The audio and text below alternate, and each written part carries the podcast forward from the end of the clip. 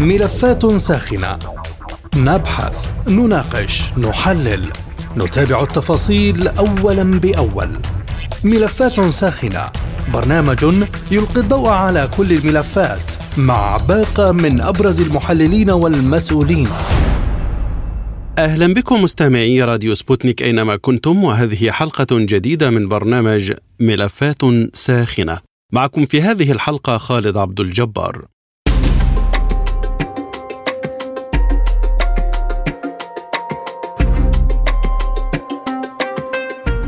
أصدرت وزارة الخارجية الفلسطينية الأربعاء بيانا أدانت من خلاله ما نشره موقع إخباري عبري بشأن خطة لتقسيم المسجد الأقصى مكانيا أعدها أحد أعضاء الكنيست من حزب الليكود الإسرائيلي. وأدانت الخارجية الفلسطينية في بيانها بأشد العبارات ما أوردته تايمز أوف إسرائيل بشأن خطة أعدها عميت هيلفي عضو الكنيست عن حزب الليكود بتقسيم المسجد الأقصى مكانيا واعتماد إجراءات تقييدية تحد من وصول المصلين للصلاة في المسجد ومنع الرباط فيه. في حين تمنح صلاحيات أوسع للمستوطنين في اقتحامات المسجد ومن جميع الأبواب وفقا لهذه الخطة. وقالت الوزارة إنها تنظر بخطورة بالغة لما يروج له هذا الموقع خاصة وأنه يتزامن مع استهداف صريح ومتواصل للمسجد الأقصى من قبل الجمعيات والمنظمات الاستيطانية المتطرفة. من ناحية أخرى وصفت وزارة شؤون القدس الفلسطينية هذا المخطط بالخطير للغاية وأنه يهدد بحرب دينية. وأوضح البيان الفلسطيني أن المخطط الذي طرحه أحد عناصر حزب رئيس حكومة الاحتلال بنيامين نتنياهو هو بمثابة عدوان صارخ على مشاعر وعقيدة المسلمين حول العالم، وهو تعبير عن صلف وتطرف حكومة الاحتلال. وتنص الخطة على السيطرة على قبة الصخرة وتحويلها إلى مكان عبادة لليهود بالإضافة للمنطقة الشمالية من باحات الأقصى. في الوقت الذي سيسمح فيه للمسلمين بالصلاة في الحرم القدسي الجنوبي ومرافقه.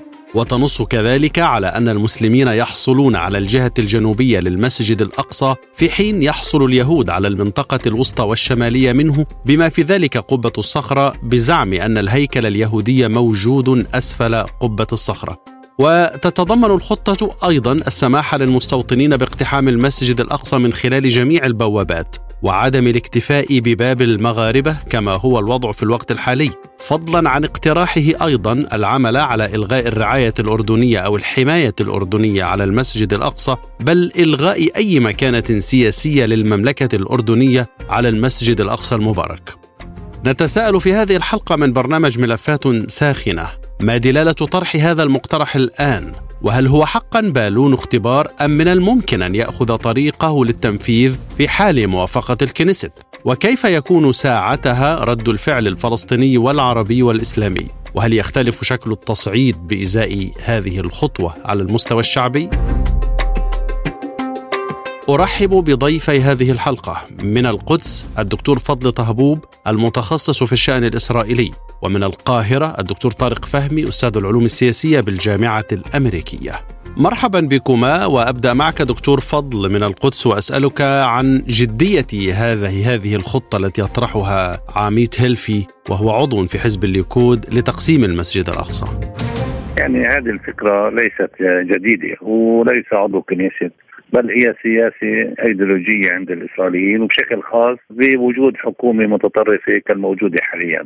وهذا وضع يعني عندهم من حيث الاستراتيجية يجب إعادة بناء الهيكل المزعوم محل الحرم، هاي السياسة أو استراتيجية، الآن خطوات خطوات اتخذوها. دخلوا للصلاه دخلوا لساحات الحرم. الآن بيحاولوا يعتدوا على الناس يخرجوهم من الحرم.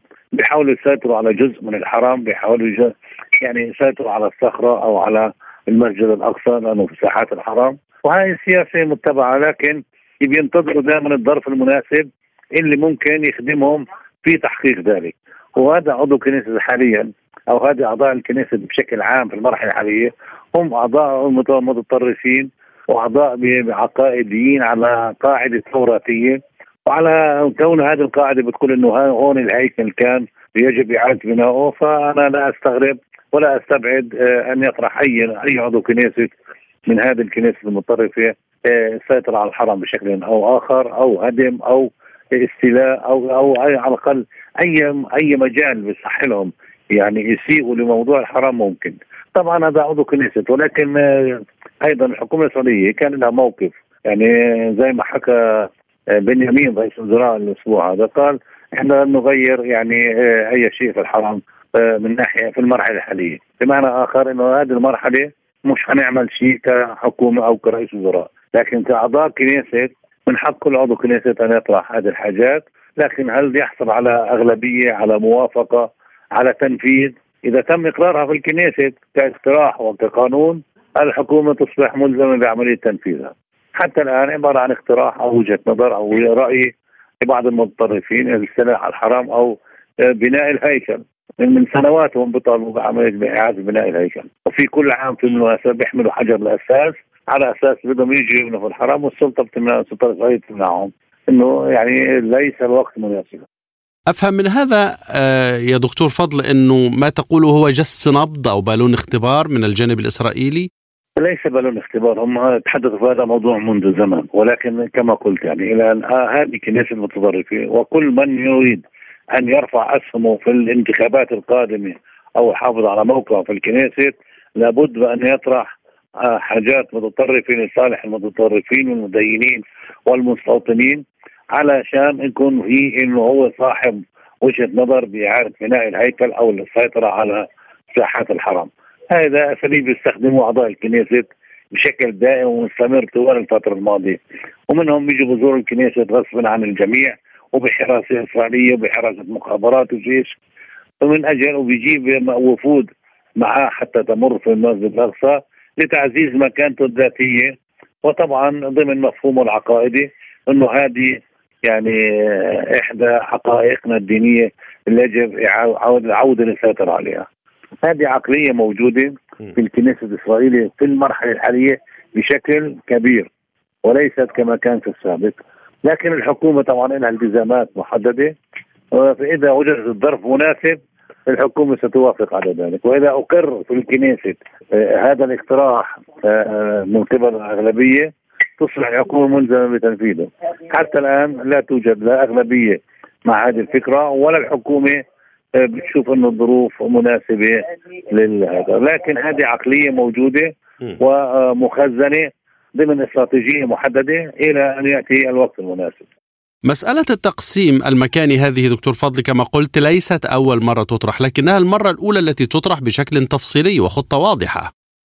معلش هذه الإسرائيليين يتحدثوا في كل مجال. سابقا حاولوا أن تكون الوصاية على المجلس السعودية حتى يخلقوا شكل ما بين الأردن وبين السعودية. وفي مرحلة طرحوا اقتراح أن تكون الإشراف على المساحات الحرام إسلامية بمعنى آخر تمييع الموقف ومشاركة كل الدول الإسلامية لسببين لسبب أنه لسبب أنه هم بيكسبوا صداقة بعض الدول الإسلامية من مجرد مشاركتها وفي نفس الوقت بيضعفوا المسؤولية عن هذا الحرم لأنه عندما تتعدد المسؤوليات تتوه الحقائق. هذه عقلية اسرائيليه وفيها تكتيكات مستمرة كل مرة تطرحوها بطريقة أخرى. يعني الناس اللي عم بتواجه هذا الموقف الحقيقة هم أهالي القدس مدينه القدس بالذات لأنه ما تبقى غير قادر ان يفعل شيء.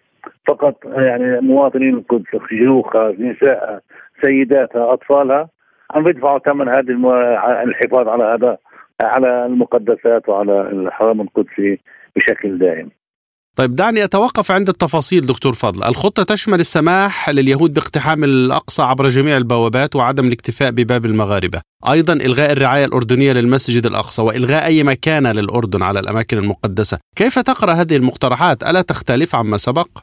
يعني آه، طبعا يصعدوا في كل مرحلة بيصعدوا حسب الظرف اللي بيتيح لهم يعني في المرحلة الأخيرة أنا أقول حاجة بسيطة سياسية في انعقاد الجامعة العربية في السعودية كان معظم كلمات الزعماء العرب بأنه القضية الفلسطينيه قضية مركزية. وهذا يعني آه، آه، سوى شك عند الإسرائيليين وعند الحكومة لدرجة رئيس الحكومة بحد ذاته عقد اجتماعه في آه، في المسجد البراق يعني في تقرب إلى جانب الحرم القدسي. وهذا نوع من الرد السياسي على كل الجامعة العربية وعلى كل اللي بيقولوا القضية الفلسطينية هي أساسية.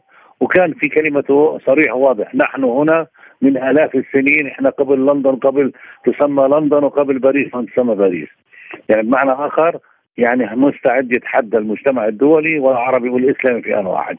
هذا موقف سياسي والاسرائيليين يتصرفوا بالطريقة هاي. عندما يقول رئيس حكومة بهذه الطريقة يعني ما ماذا تتوقع من أعضاء الكنيسة؟ ويحاولوا أن يستغلوا الفرصة أن يجبروا هذا الرئيس الوزراء على الموافقة على الاستيلاء المكاني في الحرم. هم عملوا هذا الموضوع في الحرم الإبراهيمي بالخليل ويعني شعروا إنه ما فيش هناك حدا يتصدى لهم بمعنى آخر. الآن في القدس يعني على عاتق على عاتق أهل القدس كل الصراعات اللي بتصير في المسجد الأقصى وحمايته ويؤسفني يعني أهل القدس وأبناء 48 هم اللي بيدافعوا عن الحرم القدسي بشكل مستميت ودائم وبيدفعوا ثمن غالي بيعتقلوا أطفالهم بيقتلوا بيضربوا نسائهم بيضربوا شيوخهم بيهينوهم في سبيل الحفاظ على هذا الحرم ويؤسفني طبعا الوضع العربي غير مريح والوضع الدولي منافق وهي قضية صعبة جدا. وإسرائيل تتصرف خارج القانون الدولي وخارج كل القوانين نعم. المتعارف عليها. لن تتحقق لن تتحقق. وهذا اذا تتحقق يعني ستكون ثمنها دماء يعني لأنه أهل القدس لم يوافقوا على هذا الموضوع بكل بساطة. وماذا عن التقسيم الزماني دكتور فاضل هو لم يتحدث عنه في خطته. بحكي عن المكاني وعن المكاني ستسيل دماء من أجل تحقيقه. لن يمر.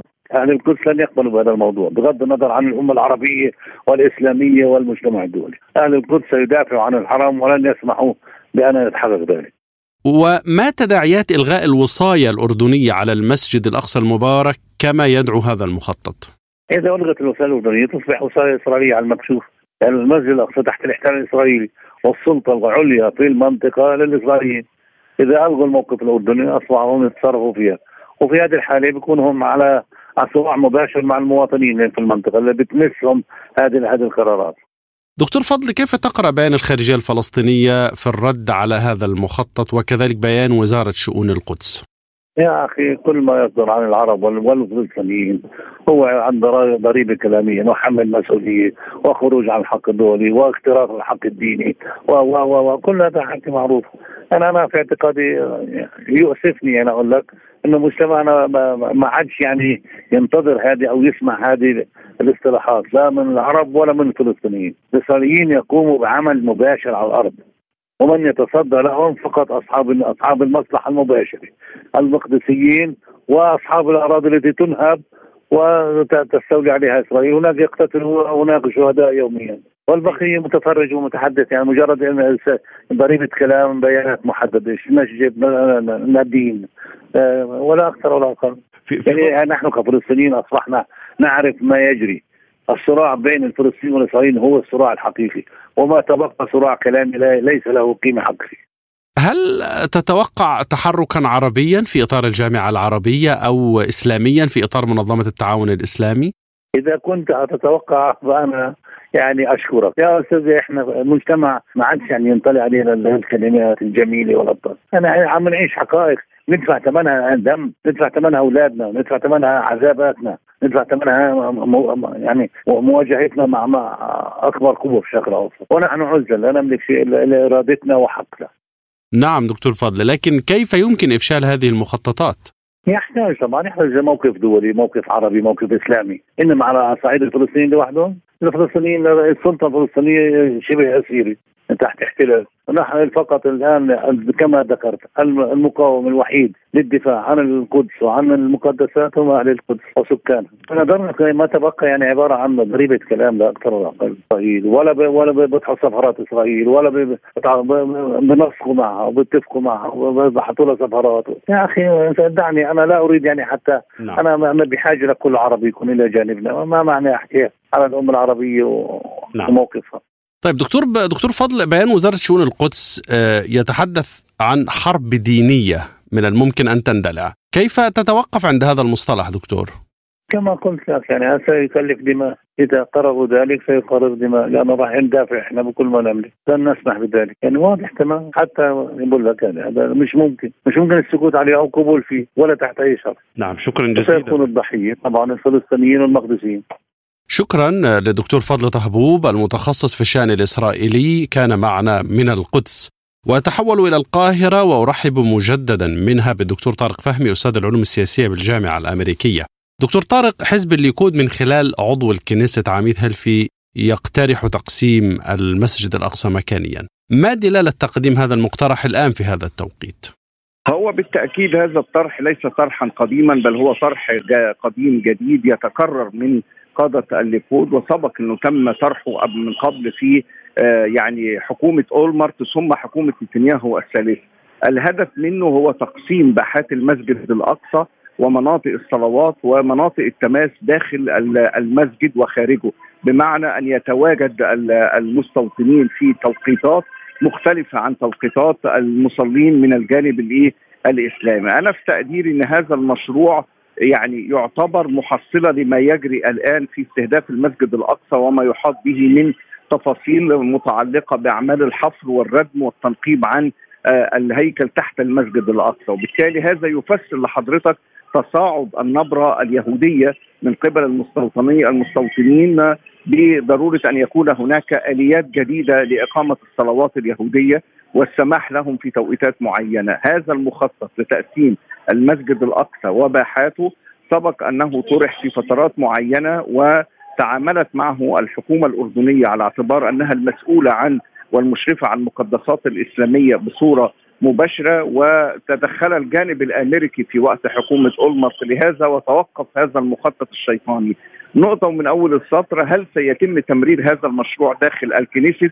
والمناقشة بنوده بالتأكيد لأنه حكومة الائتلاف الراهن ومكوناتها أعتقد ساعية إلى فرض هذا الأمر على الجميع. وبالتالي كل الخطورة أن نتعامل مع الموضوع على أنه مجرد مشروع أو مخطط فقط وطرح أولي لكنه يكشف وبعمق عما تخطط له هذه الحكومة من استهداف المسجد الأقصى.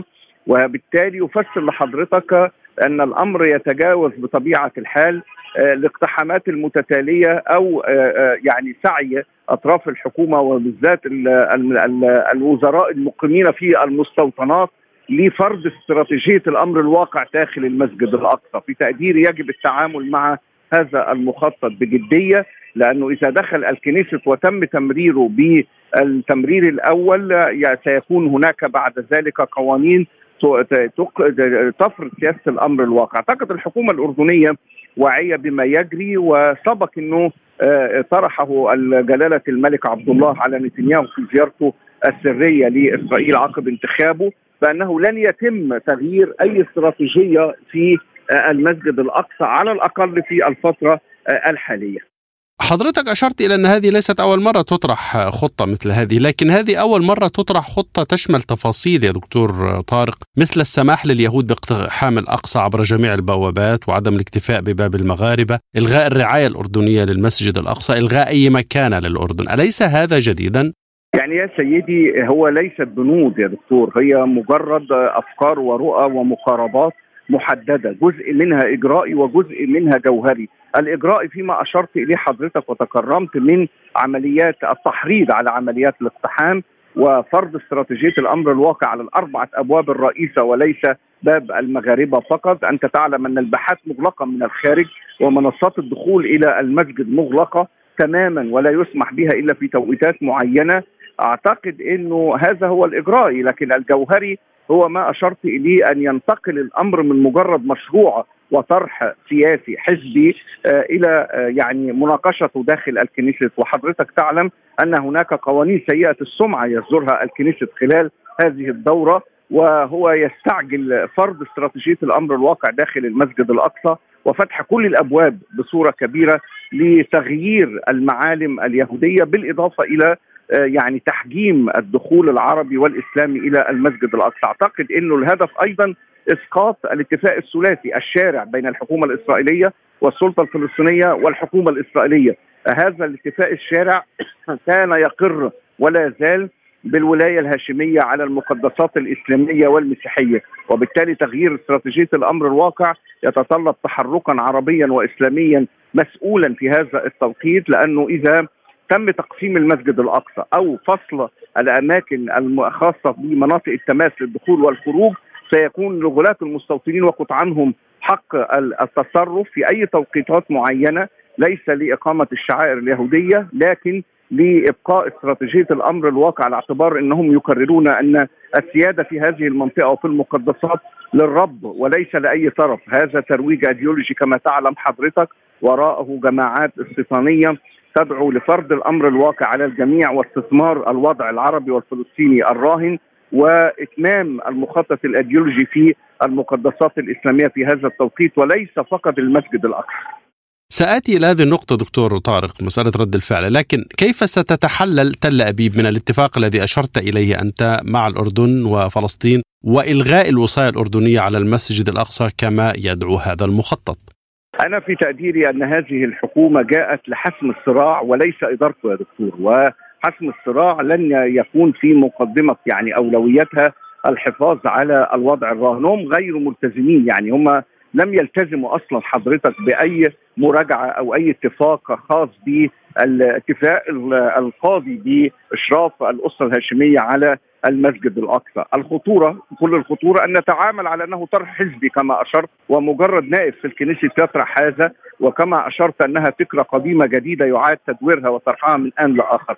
أعتقد إنه الجانب الأردني عليه أن يتجه إلى الجمعية العامة للأمم المتحدة وليس لمجلس الأمن لعقد جلسة من خلال المفوضين الدائمين ومن خلال المجموعة العربية في الجمعية العامة لتشكيل لجنة خاصة لطرح ما يجري الآن والوقوف أمامه قبل نقل المعركة إلى مجلس الأمن لأننا كما تعلم مجلس الأمن غابة سياسية وسيكون هناك تحفظات أمريكية على هذا الطرح. طيب كيف تتوقع رد الفعل العربي من خلال الجامعة العربية أو الإسلامي من خلال منظمة التعاون؟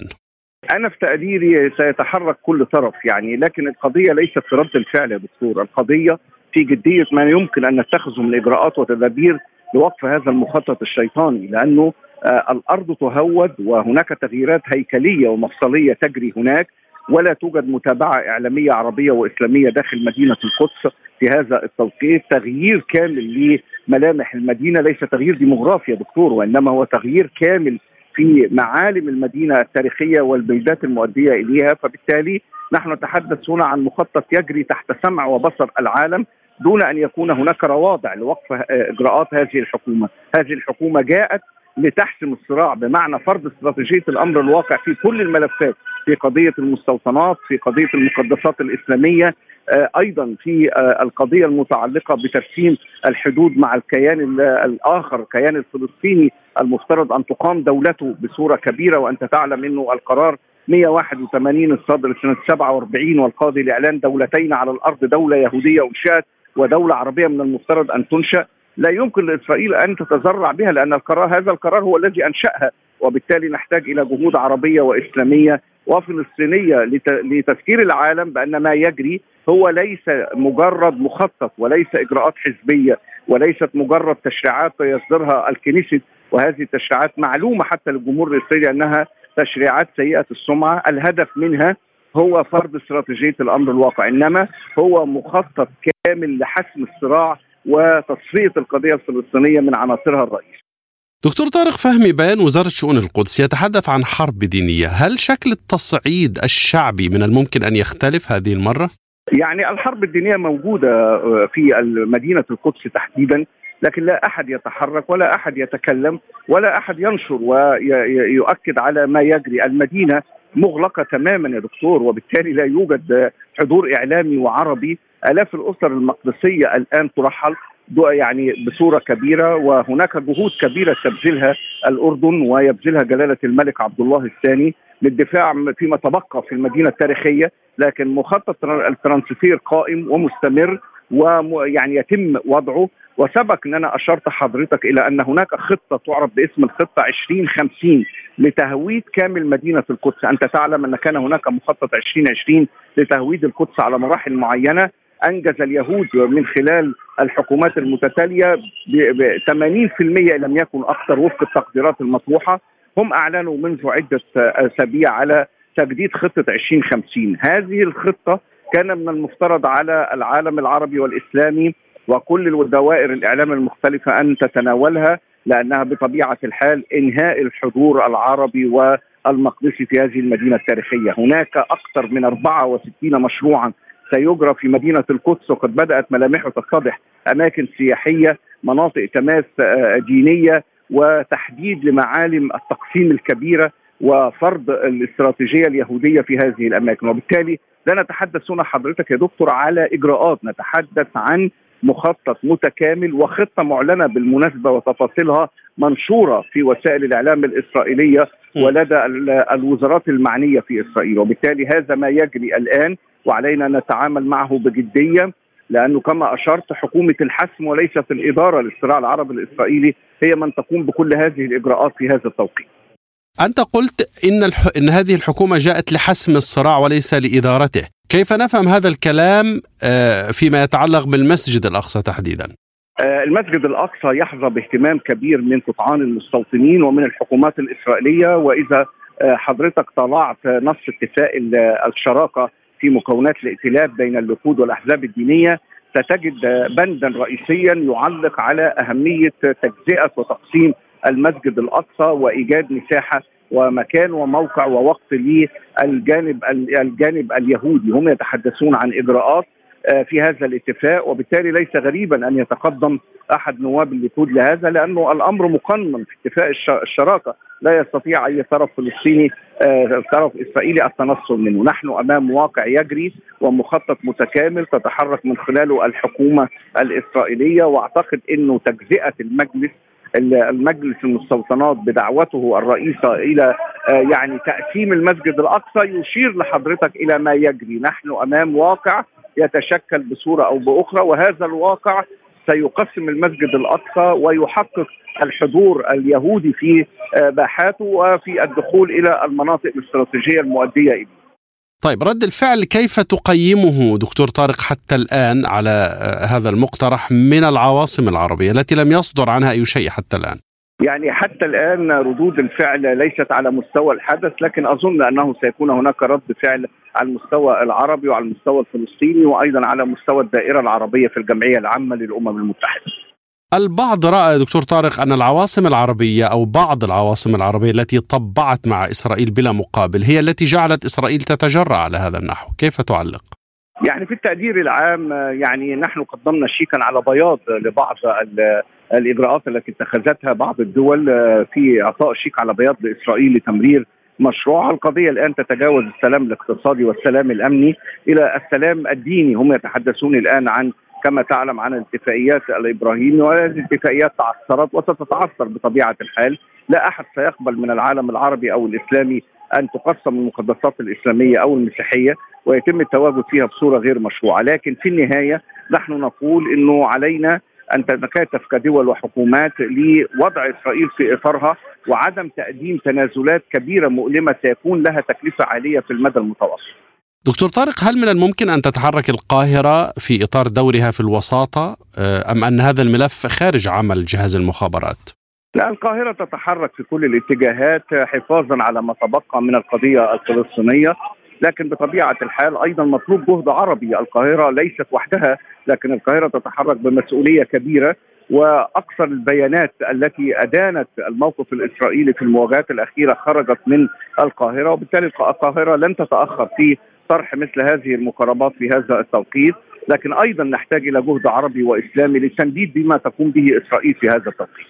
شكرا للدكتور طارق فهمي أستاذ العلوم السياسية بالجامعة الأمريكية من القاهرة.